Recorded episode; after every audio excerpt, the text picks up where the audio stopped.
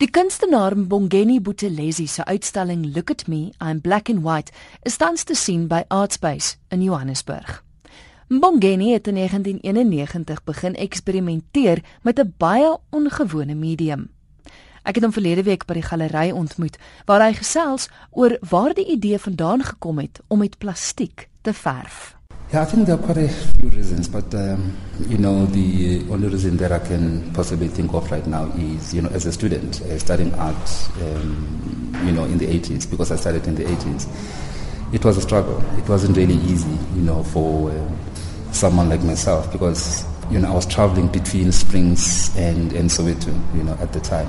And if you come to think of it properly, you know, the violence, you know, in the trains at that time, and I was very much uh, into it, you know. Yeah. Financial challenges also, you know, were very much an obstacle, you know, because, you know, it's a story that I'm sure you, you, you pick it up from every person, you know, that uh, I'm not from a rich family, you know, my family struggled, you know, even to give me money for transport, you know, to get to school. But now I had to try and devise ways and means, you know, for me to, to be able to pull through because I realized that, you know, if I don't do that, um, I might see my dreams, you know, being shattered, you know. Because if I were to be honest, I mean, I think I was trying so hard to push myself. Finances were a problem. Coming to school uh, was a problem. Getting to school was a problem as well because, you know, the materials. Traditional art materials are not cheap. They are very, very expensive. And you know, as a student, you don't guarantee anything. That you know, the fact that you have these expensive oil paints and brushes and canvases and so on, and therefore, you know, whatever that is going to be produced from those materials will be successful. You know, and and sell for you to be able to make up for the, you know, Yeah. money that you have spent. It was not easy. You know, I eventually decided to try other alternatives, and luckily enough, you know, I happened to to see an exhibition by an artist from Cape Town, Willie Bester. You know, he's still my favorite. Mm-hmm. You know, when I saw Willie's exhibition at the Goodman Gallery, it was like an eye opener because I could see that here is this guy, you know, all the way from Cape Town. Because for me at the time, I, I looked at him, you know, as someone who comes from very far, you know, to exhibit in Joburg and people were amazed, you know, because this guy was using all sorts of discarded materials, you know, like your tins, your your your your scrap metal, you know, anything that he could possibly come across, you know, it was part of his work. And looking at that exhibition, I said to myself, what really stops me from experimenting with other things? You know, if this guy can do it, so am I, you know. Then at the school where I was, you know, as, as a, a third year student, we were allocated a very specific studio, you know, for us to work uh, in. One day I looked out and I saw all these beautiful plastics, you know, on the on the ground there because we had a small tuck shop, you know, inside the college. Yeah. And looking at these colors, I said to myself, what one can do with this and how, you know. And that's how I started to trickle my mind, you know, to say, perhaps I need to look at this and see whether it can take me to where I want to get to. Then the idea started. And to be honest with you, before plastics, I was painting with watercolors, um, watercolors, uh, acrylics, um, drawing, uh, particularly with charcoal. It has always been my favorite. And but now the fact that I cannot access those materials, what do I do? Then I started experimenting with this, and I never looked back because the reason for me was I also wanted to challenge um, some of my colleagues and people who were working with me to say, look, you can still go very far with very little. You know, you don't necessarily need a lot of money, you know, for you to be able to realize your dream. And um, at the time, you know, there was this positive anger, you know, that I had in me, you know, to say, I just want to prove everyone wrong, you know, that um, without money, really, there's no future. So that's how it started. And uh, ever since, I mean, 20, 22 years down the line, this is where am I today. Mbongeni vertel van sy tegniek, want as jy met die eerste oogopslag na sy werk kyk, lyk dit glad nie soos plastiek nie. That's exactly what I wanted to achieve. You know, to say, look, what what could possibly, uh, what could I do, you know, for me to match um, those who have money um, with this. The technique is, is it looks fairly complex and complicated from the distance, but it's a very simple technique. Uh, over the years, you know, like you said, it has been a trial and error type of thing, but eventually, you know, if you do one and the very same thing all the time. You know, you end up perfecting the, um, you know, the skill. I've, I've done lots of work in, in different techniques. And in fact, from what you see here, it's just a portion of what I've been experimenting with in, uh, over the years. By that, I mean I've got more than 15 techniques. If I say technique, I'm talking about different approaches within the same technique. Um, in other words, I draw with plastic, I paint this plastic in black and white, I, I do work in color, you know, so if you were I'm sure we'll be able to have a chance to go to my studio so that I can properly explain to you what I'm talking about. But um, you know, the process is fairly simple. What I do, I start with uh, your normal roofing plastic as as my canvas, but that has to be on a, um, on a stretcher, you know, mm-hmm. frame type of thing, so that you know the structure and the presentation becomes what I want it to be. And from there, I start building it up with different colors, you know, on top of that. And the idea to do that is that the reason why I'm using roofing plastic is that it has um, this resistance and the microns in terms of the thickness of the plastic is 250 microns. And I multiply that by four you know so that it's, it's heavier you know at, at the back. And b- behind uh, those layers I've got a box and a stretcher and you know I cross it to make sure that because you know what happens with plastic is that once it, it's hot um, it becomes very flexible. But where it cools off it becomes very resistant, you know. You, you can't really interfere with it anymore. So that is why I try to direct uh, that with the stretcher so that, you know, it pulls and takes the shape of the stretcher. Mm. Because once it's up there, you cannot remove it from there. It will die with the stretcher. So, you know, the building process itself, you know, has got its own layers. You know, that is why um, on certain techniques that I've done in the past, you know, I use up to 5,000 plastics to complete just one piece. And this is where the element of recycling and, uh, you know, using um, discarded materials, you know, came into play. Uh, because to be honest with you, at first, I never thought that I'm recycling. You know, to me, it was just a way of expressing myself, you know, without really realizing certain things that people were thinking about me. Uh, it's just a couple of years down the line, you know, where I started to say, look, perhaps, you know, there is that contribution that one is doing towards the environment, of which I welcome that, you know, uh, as an artist, because I'm not a garbage collector. I'm not a rubbish collector. but if I were to, you know, utilize our garbage as human beings in this manner, I, I think it's a positive one. Soos ek genoem het, is die uitstalling se naam Look at Me, I'm Black and White. Mbogeni vertel waaroor die tema gaan. You know, it's a theme to me that is a, a follow-up, you know, to what I've done in the last couple of years. As a student, you know, I used to go to Kliptown and do a lot of studies, you know, and drawings there. And uh, you know, you know, as a student, to sometimes do things because you, you have to, you know. But it, it's not a matter of you go there because you have, you know, there are certain things that you want to learn and pick up from that environment.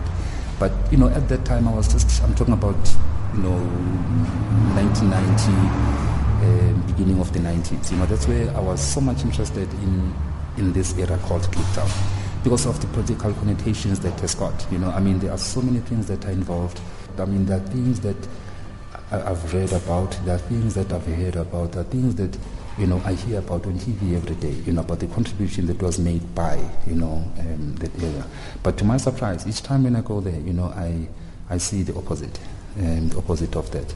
Because I, it's, it's, it doesn't make me comfortable, you know, to go there um, at all. And uh, that is why after my studies as a student, I kept on going back there, you know, just for inspirational purposes. And I ended up making friends, you know, in the area.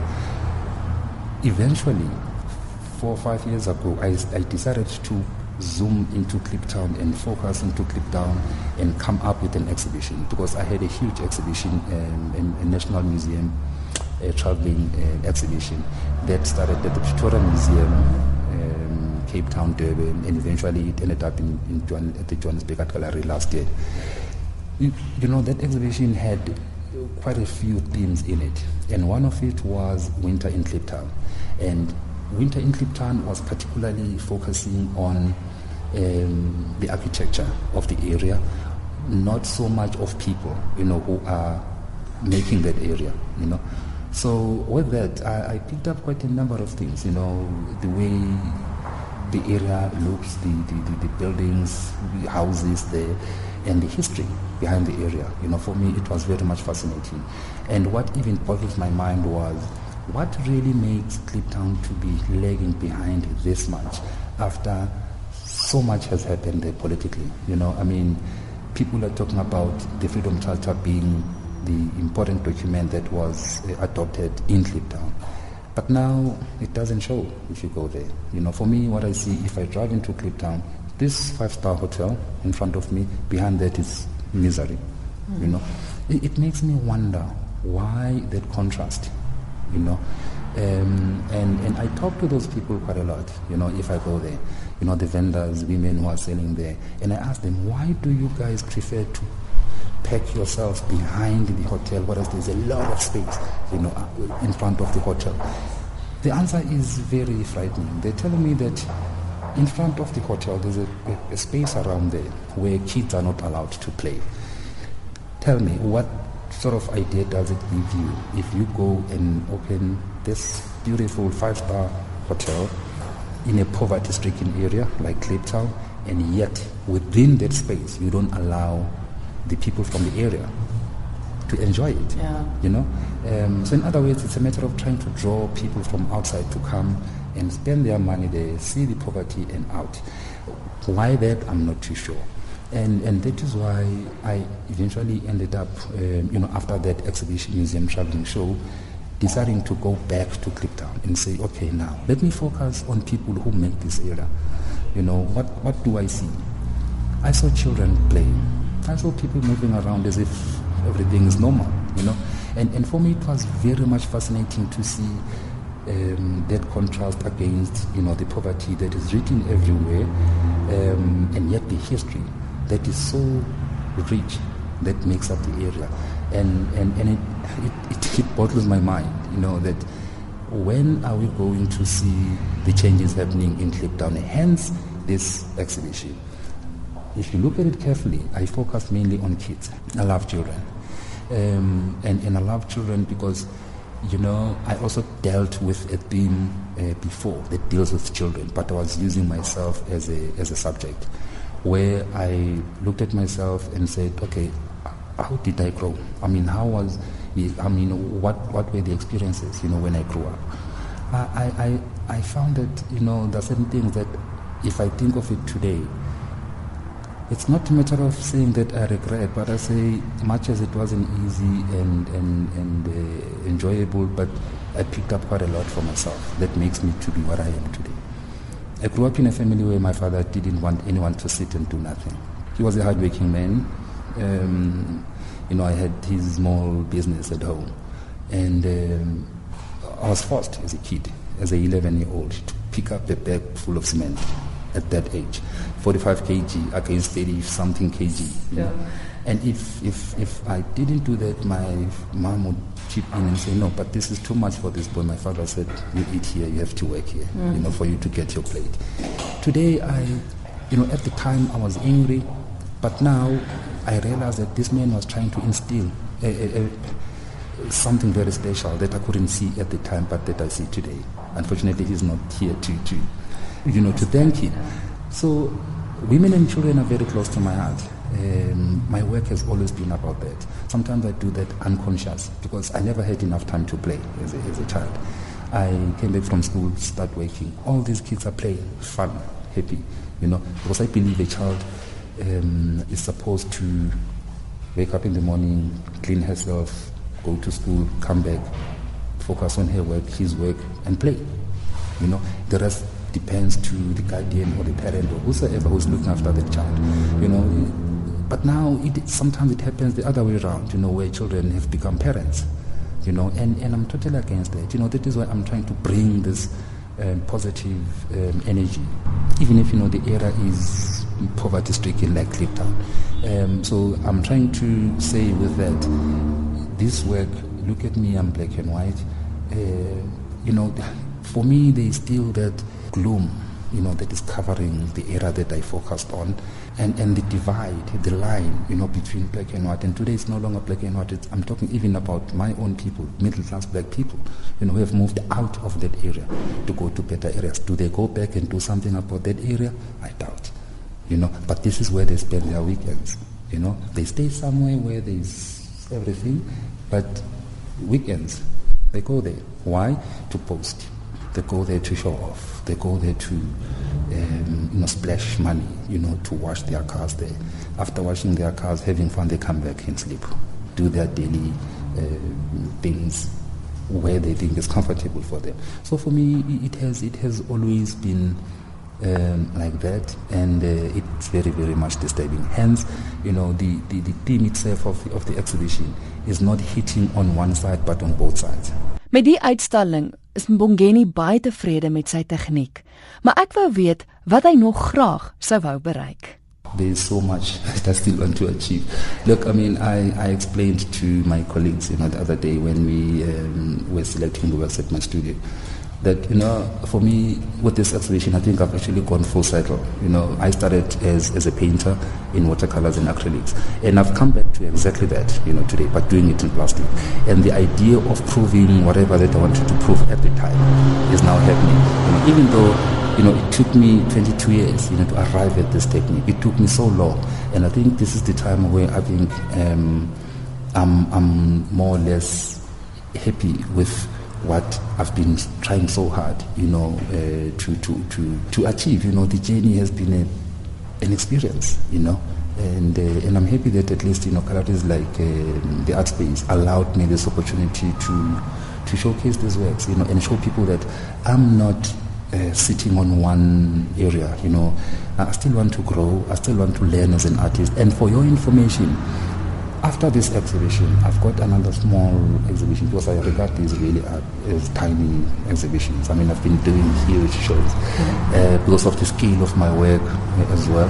I'm planning to, after my last project uh, that will be starting next month, I want to clamp down on this series, uh, just like other series uh, uh, techniques that I've been doing in the past. By clamping down, I mean I'll stop producing works in black and white in this technique and move on to other things because um, I've shown uh, or I've satisfied my spiritual whatever, you know. uh, and now I think I'm more or less enough uh, with this. Now I need to see what is next because I've produced this, it's there, it's on the wall. I'm not worried about it. I'm worried about what is still coming, you know, in future. So after this, perhaps next day you, you won't be able to see anything in black and white in this particular technique. Whatever that will come out, um, possibly next year will be maybe it could be in black and white, but not in this technique. This that will be my 17th technique in, in, in this medium. Well, I'm not worried about the next technique. I'm very excited. No, thank you. Thank you so much. You're more than welcome.